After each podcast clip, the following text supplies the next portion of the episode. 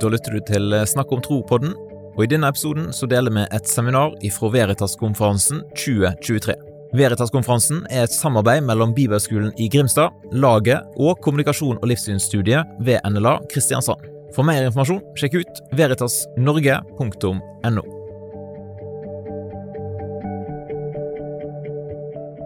Der har vi Richard Dawkins. Ja. Richard Dawkins uttrykker noe som veldig mange i vår tid eh, tror på. Han sier det at kirkens moral krever at det er et skarpt skille mellom Homo sapiens og resten av dyreriket. Et slikt skille er grunnleggende antievolusjonært, sier han. Det er mot vitenskapen. Vi er bare som et hvilket som helst dyr. Eh, vi er bare atomer, molekyler i bevegelse, som tilfeldigvis er blitt oss. Vår bevissthet, vår moral, vårt menneskesyn er bare en tilfeldighet som er blitt til av naturen. Dette er liksom det ene bildet av eh, oss selv som, som veldig mange tror på, ikke sant. Og så har vi det andre bildet. Eh, Gud er opphavet. Gud er årsakenes årsak.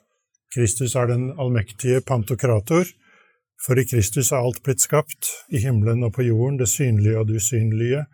Troner, og herskere, makter og åndskrefter, alt er skapt ved ham og til ham.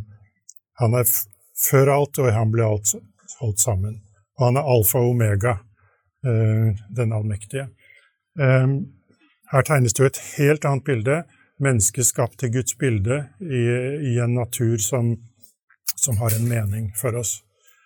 Eh, dette er den, dette er den konflikten som, som, som, min bok, da, den innbilte konflikten, handlet om. Og I dette foredraget skal jeg komme inn på fire ting. Jeg skal komme inn på tre store spørsmål som noen tror at naturvitenskap har svar på, eller mange tror. Inn på dette med at det går an å forklare ting på flere forskjellige måter. Litt om hvordan det egentlig ble konflikt, sånn historisk. Og så, siden dette er om C.S. Lewis, så må jeg ha med C.S. Lewis og om hans forhold til evolusjon, for det synes jeg det er veldig interessant. Og hvis jeg ser bøker som dette her, A Universe from Nothing, Liv, historien om universets mest spektakulære oppfinnelse, Consciousness Explained, ser det ikke ut som vitenskapen sier dette, dette har vi peiling på. Universet har vi peiling på, liv, hvordan liv ble til, har vi peiling på. Hvordan vår bevissthet, hvordan vi ble mennesker, dette, dette kan vi forklare. Um, og det er det mange som tror på. Men um, for å ta det ene først altså fra gresk, gresk, tid så har vi dette 'intet oppstår av intet', men det tror man ikke lenger. Nå kan et univers oppstå fra intet. Eh, og heldigvis så eh, er det ikke alle som eh, aksepterer det. Men eh, Stephen Hawking var en av dem også, fordi vi har gravitasjonsloven. Kan og vil universet skape seg selv fra ingenting, sa han. Eh, og så er det, trenger han ikke være veldig dyp filosofisk for å skjønne at men dette var da ingenting. Det var jo gravitasjonsloven. Den var jo der, tydeligvis. Så det var jo ikke ingenting. Så så grunn var hans filosofi, da. Men dette er jo mange som tror på. Uh, og vi har jo den modellen i dag med det store smellet, Big Bang. Og interessante er jo at dette er jo en prest som kom med dette bildet.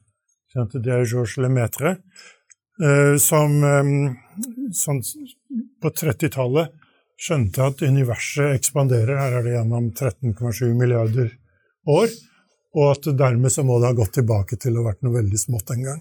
Nå, ikke, nå sier ikke vitenskapen så det stopper et eller annet sted her, for her blir det så store tettheter og så høye temperaturer at vi har aldri opplevd det noe sted på jorden, så vi vet ikke om naturlovene liksom går helt tilbake, men det går ganske langt tilbake, da. Um, så, så, vi har Big Bang, og faktisk så minner det jo litt om skapelsesberetning, gjør det ikke det? Ikke det startet med noe. Det startet på et tidspunkt. Universet er ikke evig, som, som mange trodde før. Hva med, hva med ja, en singularitet. Hva, hva, med, hva med liv? Og der har vi en norsk bok, Dag Hessen. ikke sant? Hvis du leser ja, universets mest spektakulære oppfinnelse. Vi har The Origins of Life, From the Birth of Life to the Origins of Language. Det gir inntrykk av at dette har vi peiling på. Så hvis man leser litt mer sånn ordentlig litteratur, så ser man at uh, her er en artikkel av noen anerkjente forskere. Livets opprinnelse, hva vi vet, hva vi kan vite, og hva vi aldri vil vite. Og så sier de det. Until the principles governing the process by which life on earth emerged can be un uncovered. Og Hvis du leser den setningen to ganger, så skjønner du at vi har ikke avdekket hvordan livet er blitt til. Men det står sånn litt sånn litt sånn kronglete språk. Men hvis det går til uh, vitenskapslitteraturen, og ikke, ikke, disse popforskerne, disse kjendisforskerne, men den ordentlige vitenskapslitteraturen, så ser man at man har en viss ydmykhet på disse spørsmålene. Jeg har gjort det et, til et prosjekt å prøve å finne sånne artikler om disse store spørsmålene, fordi jeg tror det er viktig å få dem fram. Da. For er det noe naturforskere ikke liker, så er det å si at uh, vi vet ikke. Så her vi vet ikke. De, de, vil vite, for de vil ikke si at vi ikke vet. Men her er det noen som tør å si at vi faktisk ikke vet. Og det syns jeg. Og her er en populær uh, John Horgan, som jeg har litt sans for som vitenskapsjournalist. Pst, ikke fortell kreasjonistene, men forskeren har ikke peiling på hvordan livet blir til. Sånn kan ikke forskere si, men sånn kan vitenskapsjournalister. Han er ikke en kristen, men, men, han har sett eh, noe som mange ikke har sett. det. Og når det kommer på det tredje, med menneskets rasjonalitet? Eh, Daniel Dennett, eh, kjent ateistisk filosof. Hvis du ser på artikler Dette er fra i fjor. Teorier om bevissthet vil lede til en dypere forståelse av dette aller mest dypeste av mysterier, sier det. Her også. Det står med store bokstaver 'vi vet ikke', ikke sant? Så dette her noen, Det er jo ikke bare kristne som vitser med den boka der. Altså det, de kaller den for 'consciousness eh, bortforklart'. Eh.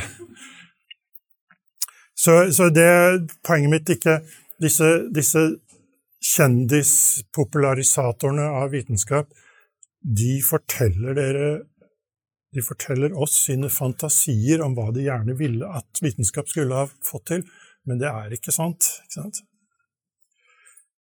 Eh, og så for å utdype bildet, mitt andre poeng her Det fins flere måter å forklare ting. Jeg har et bilde som eh, jeg håper virker. Skal gi dere en viss eh, stemning.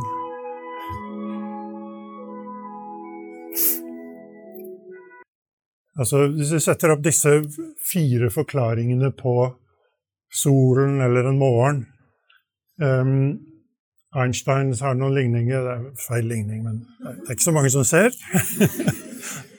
men, uh, men, det har ikke noe med lys å gjøre. Men et maleri, et, en komposisjon, et bibelvers som, som uh, forteller om at det bevitner Guds ære, kan vi si at det er bare van Gogh som har sett det. Dette er feil, dette er feil, dette er feil. Det er jo selvfølgelig ikke sånn. Det er ikke bare Einstein som kan forklare lys og lysbrytning og solens gang osv. Så sånn. Van Gogh kan også forklare det, eller beskrive det.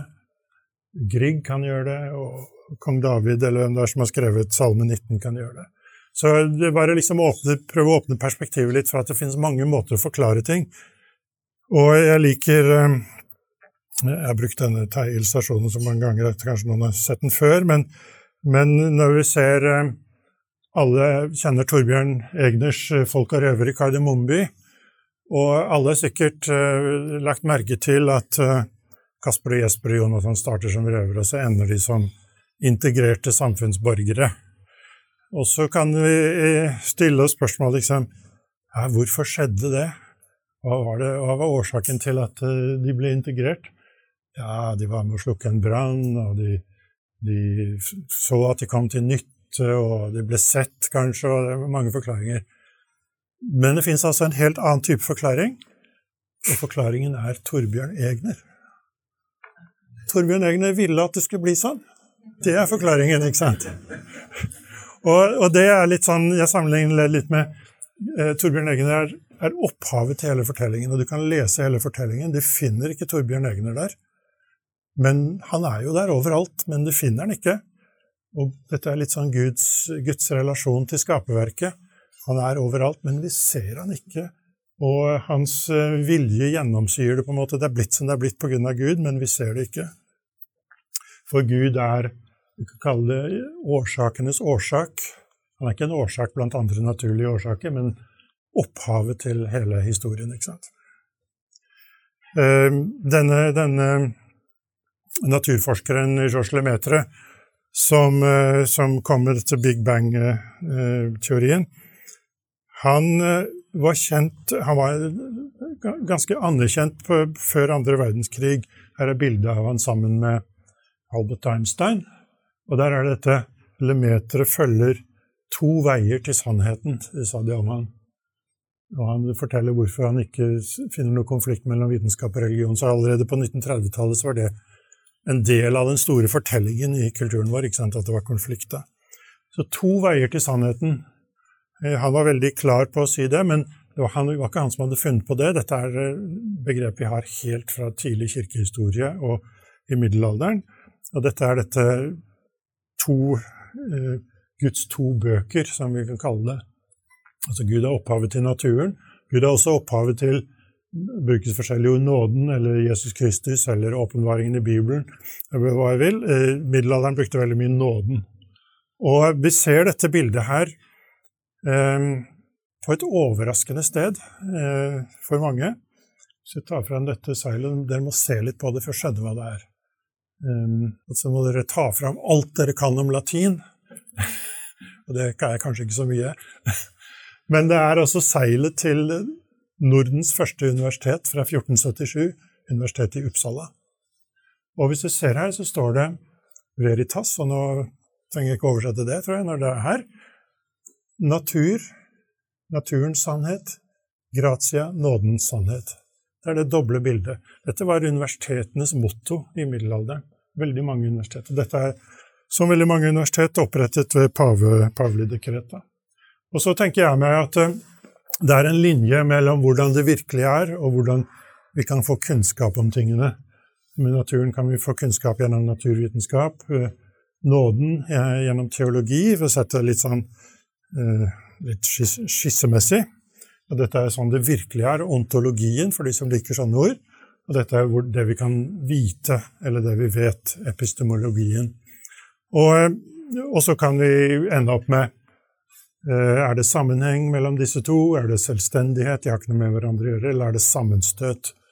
Men eh, sånn som jeg har skissert det, så det skjønner jo hva jeg mener her. For i og med at dette er samme kilde, så er det blitt noe feil hvis de hvis det er sammenstøt her nede. Det, det, må jo være sammenheng. Det er sammenheng der det starter, da må det være sammenheng i hvordan vi finner ut av det også.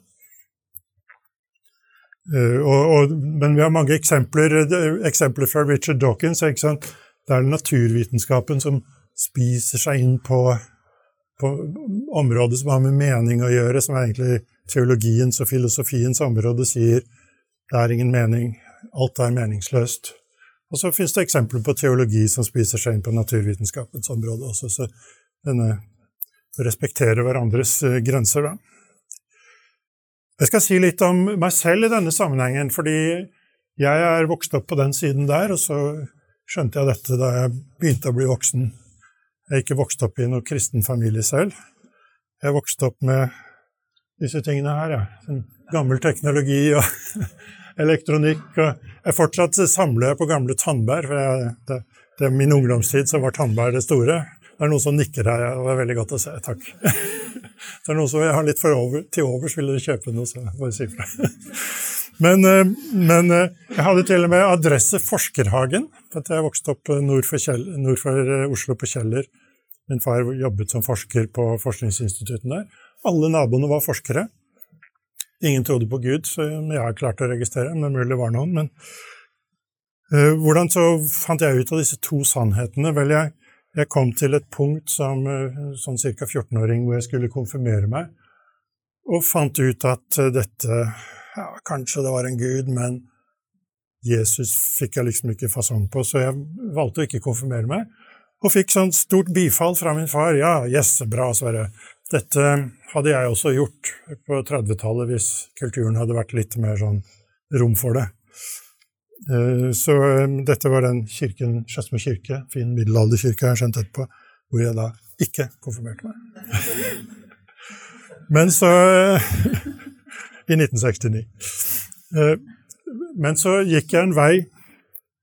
Jeg hadde to gode venner, Hans Jørgen og Bjørn, som inviterte meg inn i en gruppe hvor vi skulle snakke om bibelske, eller Bibelen. Da. Og eh, det som skjedde, var vel at eh, jeg oppdaget på en måte noe som jeg har hatt litt problemer med å sette ord på, men som en eh, biskopen i katolske biskopen i eh, Trondheim har hjulpet meg til å sette ord på. Um, Erik Varden har skrevet en bok 'Lengsel er mitt vesen'. Så jeg skal ta hans historie først, så skal jeg ta min etterpå, for det er lettere å fortelle. han sier det at han også vokste opp uten noen kristen uh, påvirkning av særlig grad i Østfold. Han, uh, hans far var veterinær, og han forteller om at uh, hans far kom tilbake fra et oppdrag han hadde på en gård, hvor, og så hadde det vært midt på sommeren veldig varmt, og så hadde bonden på gården gått med bar overkropp, og så hadde han sett ryggen hans. Og da var det fullt av sånne striper etter piskeslag. Og dette var etter tortur i tysk eh, krigsfangenskap. Og så begynte han å føle liksom, på seg sårbar, og så sier han jeg forsto at verden var et truende sted, at menneskelivet bar i seg et umåtelig potensial for lidelse, og jeg forsto at man for å leve må lære å se døden i øynene. Dette tunge jeg bar med meg inn i ungdommen, var grunnleggende sett en sannhetssøken. Eh, og så, som 16 et eller annet, etter hvert i tenårene, så var det klassisk musikk som ledet ham til Kristus, og etter hvert også den katolske kirken. Da. For meg så var det at jeg vokste opp med, med psykisk sykdom i familien, og jeg så noe av det samme her. Det, liksom, ble sånn, det blir jo da sånn Hvorfor er det sånn? Hva er forklaringen? Og når jeg ble eksponert for Bibelen gjennom mine to venner og så denne forklaringen med at mennesket har vendt seg bort fra Gud, og, og, og vi står i skyld overfor Gud, så skjønte jeg dette er jammen meg en veldig god forklaring. Mye bedre enn jeg har sett noe annet sted. Og det er liksom, da følte jeg Gud åpnet øynene mine til at ja, dette var veien å gå. Og um, vi, vi, leste antageligvis Johannes-evangeliet, men jeg husker det ikke. Men jeg har lest Johannes-evangeliet sammen med ikke-kristne senere, så jeg har tatt det som eksempel. Og så, hvordan gikk det med konfirmasjonen min? Vel, som, jeg har en yngre bror som er tre år yngre. Jeg bestemte meg da for å konfirmere meg sammen med han. Og det kan tenke dere hvor dum du føler deg som 17-åring sammen med 14-åringer på konfirmasjon og du kommer der av overbevisning. Dette føler jeg at uh, dette er en bekjennelse fra min side. altså jeg er masse fnisete 14-åringer, ikke sant? Men jeg uh, gjennomførte det. Med Guds nåde, kanskje vi får si i dag, skjønte jeg. Så det er min konfirmasjon. Nei, han sa ikke noe, men sånn 10-15-20 år etterpå så ga han meg en kommentar til Jesaja til bursdag, så skjønte jeg han hadde akseptert det. så. Så jeg er veldig sans på dette. Det, dette var dette som gikk opp for meg også, at jeg tror på kristendommen på samme måte som jeg tror at solen er stått opp, ikke bare fordi jeg ser den, men fordi jeg ved hjelp av den kan se alt annet. Altså dette er jo et slags sånn eh, Gud åpner noe for deg, og du responderer med at, at Kristus skal være herre over eh, alt du gjør. ikke sant? Og For meg så ble det Bibelen som ble åpnet, og det har jeg lyst til å si, særlig til dere som er unge. Kjør på og kultiver forholdet deres til, til, Guds ord, og eksponer dere for det daglig. Det, er, det, det ble sagt i var det i talen i dag, det er noe med en sånn der åndelig vask, eller noe sånt, var det ikke et sånt ord han brukte? Jeg tror det, altså det, det, gjør noe med deg, selv om du ikke merker det akkurat der og da. Eh, så det var min historie. Og det var altså som 16-åring eh, jeg tok imot Kristus, og som 17-åring jeg jeg konfirmerte meg. Eh, men så spørsmål tilbake til temaet mitt, da, når jeg sporer av litt, med vilje. Hvordan ble det konflikt? Og hvordan ble det konflikt med et sånt utgangspunkt som altså her er Newton og hans 1687 eh, filosofisk, naturlige filosofiske, matematiske prinsipper, eller hva det er for noe? latin igjen, vet du. Matematiske prinsipper for naturfilosofi, tror jeg kanskje er riktig oversettelse. hva skriver han i andre utgaven av, av um, Principia, som vi kaller den? Han skriver det er sikkert at denne verden med en så vakker variasjon i former og bevegelser ikke kunne oppstå fra noe annet enn den fullkomne frie viljen til Gud som sørger for å styre alle ting. Fra denne kilde er det at de lover som vi kaller naturlover, har strømmet. Så ser vi hvordan for disse naturforskerne, naturfilosofene på 1600-tallet, veldig mange av dem, så var det helt klart at det er ingen mening å snakke om naturlover når vi ikke har en lovgiver. Så det var så klar, Og naturlovsbegrepet kom først liksom på, ordentlig på banen på 1600-tallet. Det, det, var nevnt uh, litt før òg, men særlig da. Dette er utgangspunktet for, for um, naturvitenskapen. Og så i løpet av én eller to generasjoner, hva var det som skjedde? Altså, denne karen her Jeg må si at jeg blir kjempeoverrasket over Voltaire, fordi jeg har lært på skolen Dette er liksom selve opplysningstidens uh, profet, nærmest, som, som, har gitt oss så mye opplysningstiden som har gitt oss så mye bra. Har ikke dere også lært sånne ting på skolen? Voltaire skal vi se opp til, han er, han er bra. Uh, jeg er ikke så sikker da jeg begynt å lese han.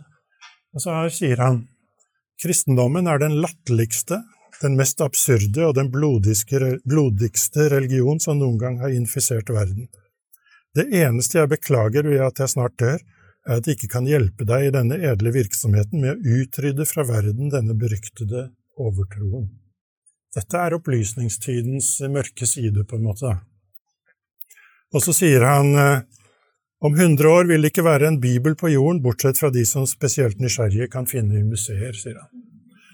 Og det paradoksale er at eh, han hadde et hus eh, like ved Genéve i Frankrike, på fransk side, og sånn 50 år etter omtrent hans død, så var det lederen for Genéves eh, evangeliske selskap som eh, kjøpte det huset, og brukte det til, som lager for det sveitsiske bibelselskapet, så det var stappfullt med bibler.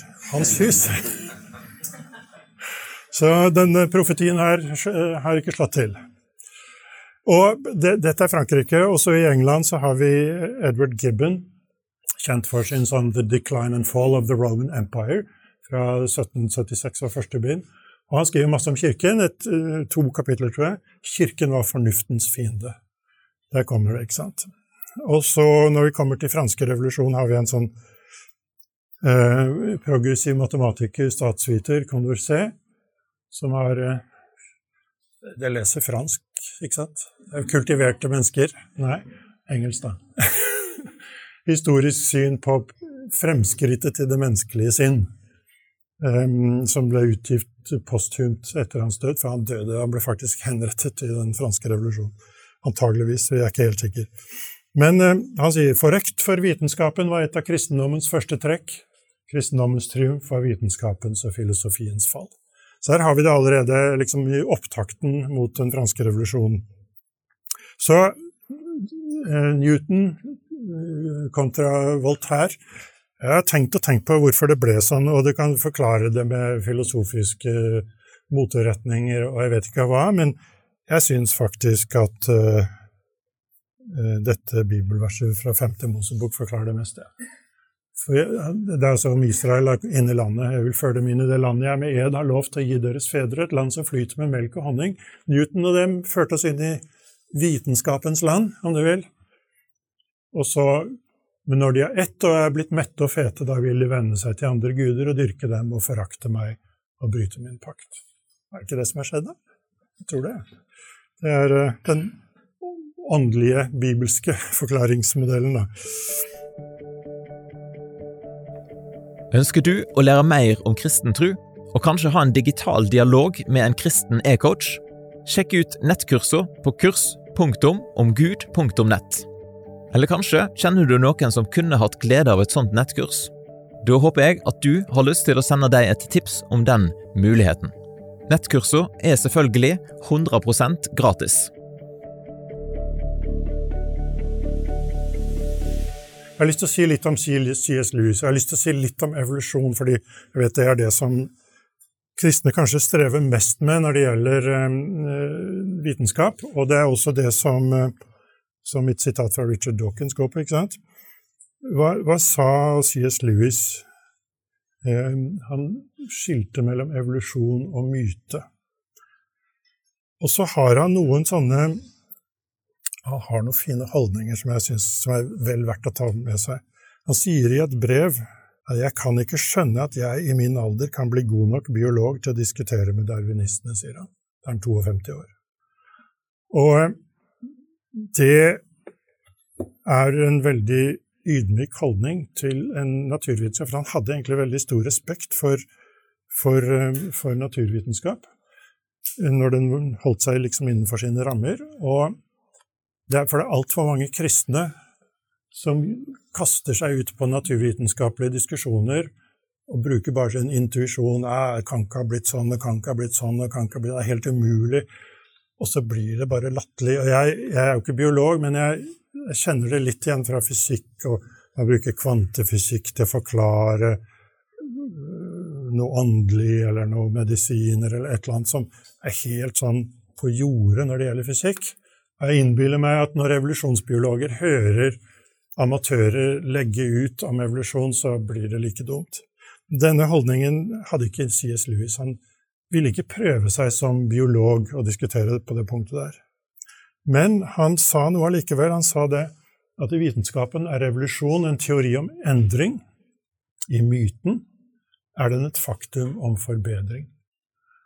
Og det interessante er at eh, dette sa han på slutten av 40-tallet. Han bygget på Dette et direkte sitat omtrent fra en John B.S. Haldane, som var en, eh, en av arkitektene bak neodarwinismen på 2030-tallet. Det er fra en bok han skrev i 1927, tror jeg. Og eh, Haldane var en interessant person. Han var marxist, og han var ateist. Han fant seg ikke til rette etter hvert i England, så han emigrerte til India, fikk indisk statsborgerskap og døde der. En eh, veldig fargerik person, eh, men altså ateist. Og der hadde, der C.S. Lewis hadde funnet sitt standpunkt. Og jeg har sett på er det faktisk fortsatt sånn at uh, han er rett at uh, dette handler om endring, men ikke om forbedring. Og så har jeg gått og sett på som er min greie igjen, da, så sett på vitenskapslitteraturen i dag. Dette er ikke helt i dag, men det er fra Nature, som jo er det mest anerkjente naturvitenskapelige tidsskriftet. Jeg av dem. snakker om revolusjonære transisjoner. Og så sier de det er ingen teoretiske grunner til å forvente at evolusjonære eh, linjer skal øke i kompleksitet med tid, og det er ikke noe empirisk eh, evidens for at de gjør det. Likevel så er det bedre, mer utviklet enn det, og mer komplekst enn det, osv., osv., osv. Ja, det er det jeg har skrevet her. Um, og um, hva er det de mener Hva er det de mener med det, Satmari og Maynard Smith? Ja, de mener disse tingene her. De mener dette er en slags um, biologiske transisjoner som jeg har tegnet som progresjon. Det er ikke alle som gjør det. Men dette er protoceller, er noe sånn um, genetisk materiale før liv. Altså første liv, som er enkle bakterier. Det er celler uten kjerne. Og så er det eukaryote med kjerne, som vi består av. Og så er det plastider, som det er eukaryote celler som tar inn i seg og så kan du få fotosyntesen til å funke, blant annet. dette. Og så er det flerskjellede organismer. Planter, dyr, sopp. Og så er det menneskelige mennesker med naturlig språk. Dette er i listene som de har over sånne evolusjonære transisjoner. Og så sier de altså at uh, det er ingen teoretisk grunn i evolusjonsteorien til å forklare hvorfor vi har gått fra den ene til den andre. Altså de, de, det er et faktum at det har skjedd, men ikke, vår teori forteller oss ikke hvorfor dette kan ha skjedd. Og, så, og da må jeg merke seg at det inkluderer da menneskelig bevissthet. ikke sant? Og i andre bøker, så evolusjon, Very Short Introduction, Eh, to andre, og for det meste uløste problemer i evolusjon, i hvert sitt ytterpunkt av livets historie, er opprinnelsen til de grunnleggende egenskapene til levende celler, altså livets opprinnelse, og opprinnelsen til menneskelig bevissthet. Og så fortsetter de er det progresjon i evolusjonen, altså som jeg har tegnet. Svaret er et klart ja, men det er ingenting i teorien om evolusjon ved naturlig utvalg som tyder på at dette er selvsagt. Og selvfølgelig er bakterier fortsatt en av de mest tallrike og vellykkede livsformene. Eh, det er jo faktisk det er jo riktig, men Så, så der ser du at selv i dagens vitenskapslitteratur så altså Richard Dawkins er veldig uvitenskapelig, rett og slett. Når han sier at, eh, at vi skiller mellom mennesker og dyr, det er veldig uvitenskapelig. Han sier det er uvitenskapelig fordi det evolusjonen tilsier at det ikke er sånn. Men det er faktisk ikke sånn. Han har, tar faktisk feil.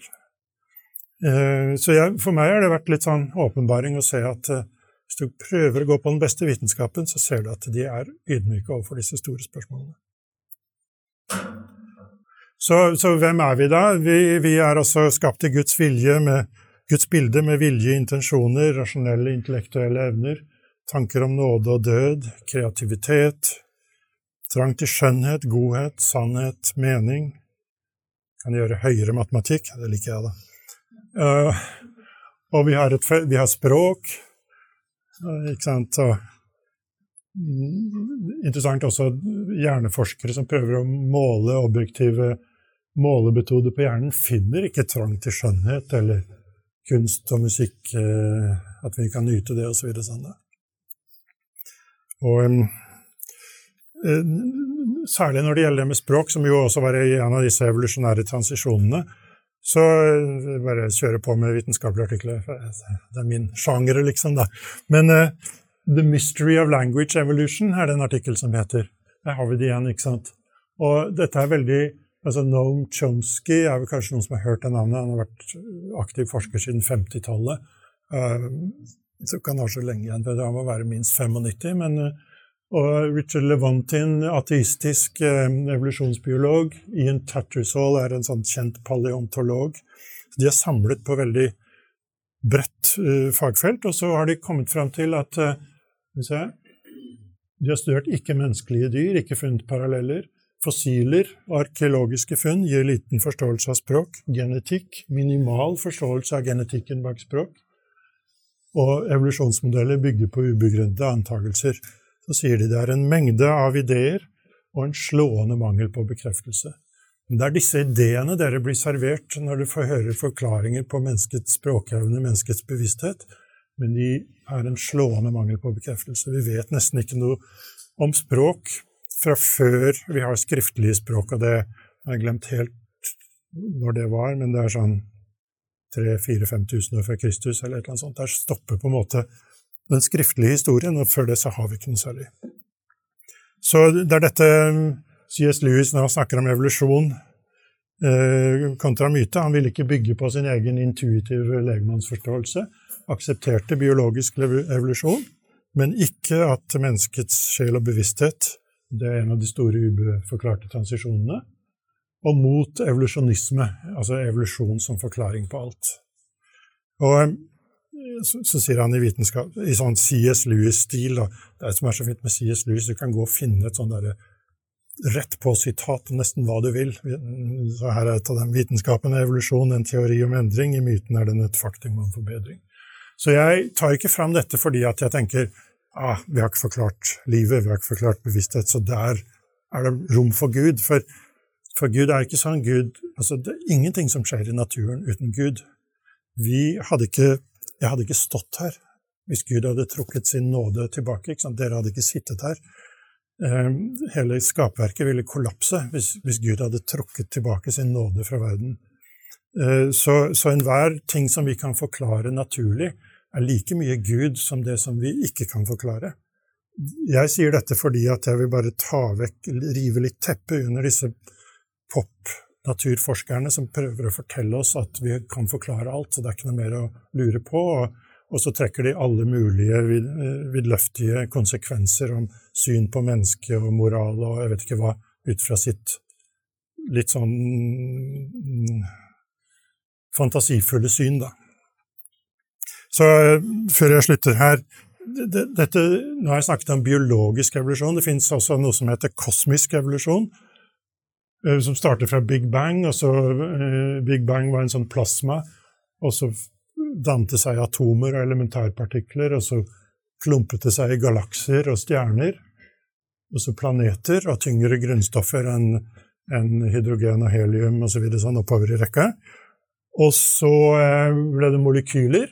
Altså her har vi fått jorden, ikke sant? Så molekyler, da kan vi få liv.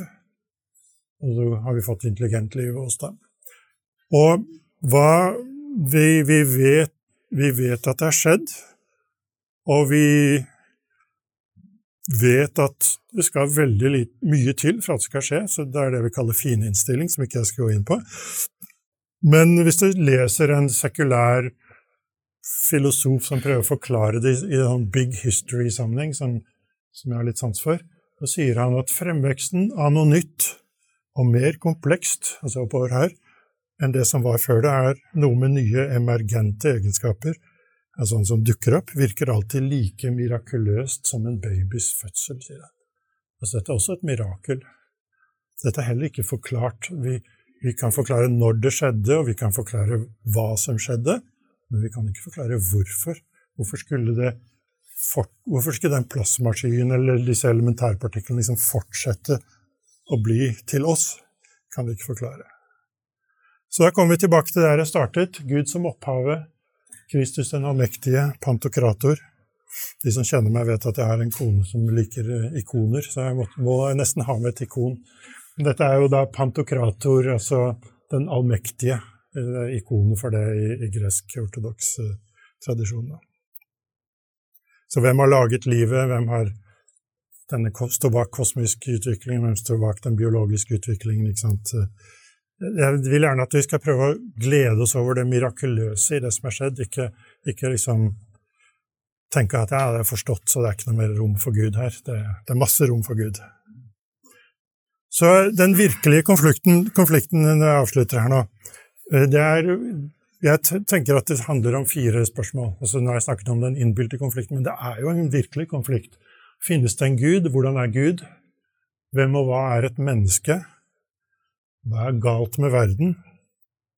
Hva er løsningen? De som har vært her et år eller to siden og hørt på Andy Bannister, de vet at jeg har tatt de spørsmålene fra ham. Um, uh, og, og, hva slags svar har vi på disse fire spørsmålene her? Det er forskjell på religioner, og det er forskjell på ateisme eller materialisme og kristentro også. Den virkelige konflikten det går på alle menneskelige spørsmål er naturvitenskapelige, kontra naturvitenskap handler bare om en del av virkeligheten. Og da skjønner dere hvilken side jeg er på her. Derfor finnes det ingen høyere hensikter. Det finnes en Gud som har skapt oss, og som bryr seg. Evolusjon eller evolusjonisme forklarer alt, og vi er bare et høytstående dyr. Gud har skapt oss fra støv, som i evolusjonen, av natur, men med en sjel i, i sitt bilde. Kampen for tilværelsen er et uh, bærende prinsipp, kontra vår bevisste distansering fra Gud er menneskets problem. Er ikke det en fin måte å si synden? Ja. um, hva trenger vi for å løse det? Mer opplysning. Det, han, Thomas snakket mye om det i sitt uh, på morgenmøtet i dag. Eller trenger vi å bli født på ny? ikke sant? Med døden er alt over. Jesu oppstandelse på den andre siden viser at det er håp utover døden, at vi vil legemlig oppstå. Her er den virkelige konflikten sant, mellom venstre og høyre side her. Så med det så skal jeg avslutte. Jeg har snakket om tre store spørsmål, forskjellige forklaringer, hvordan det ble konflikt, litt om CS Lewis' evolusjon. Og dette står det da altså da mer om i denne boken min. Dette er kapitlene i denne boken som ligger på bokbordet, for de som måtte ønske det. Så jeg skal slutte med å vise bare et fint bilde fra dette eh, teleskopet som kom opp i fjor. Um, James Webb-teleskopet, som viser noe forflytt... Eller noe sånn Disse strekene er fra sånn uh, gravitasjonslinser. Altså gravitasjonen er så sterk at lyset er som en linse. Og så er det rødskift fordi det er på vei vekk fra Masse fine ting om Big Bang og sånn som du kan se ut av det bildet. Takk skal dere ha.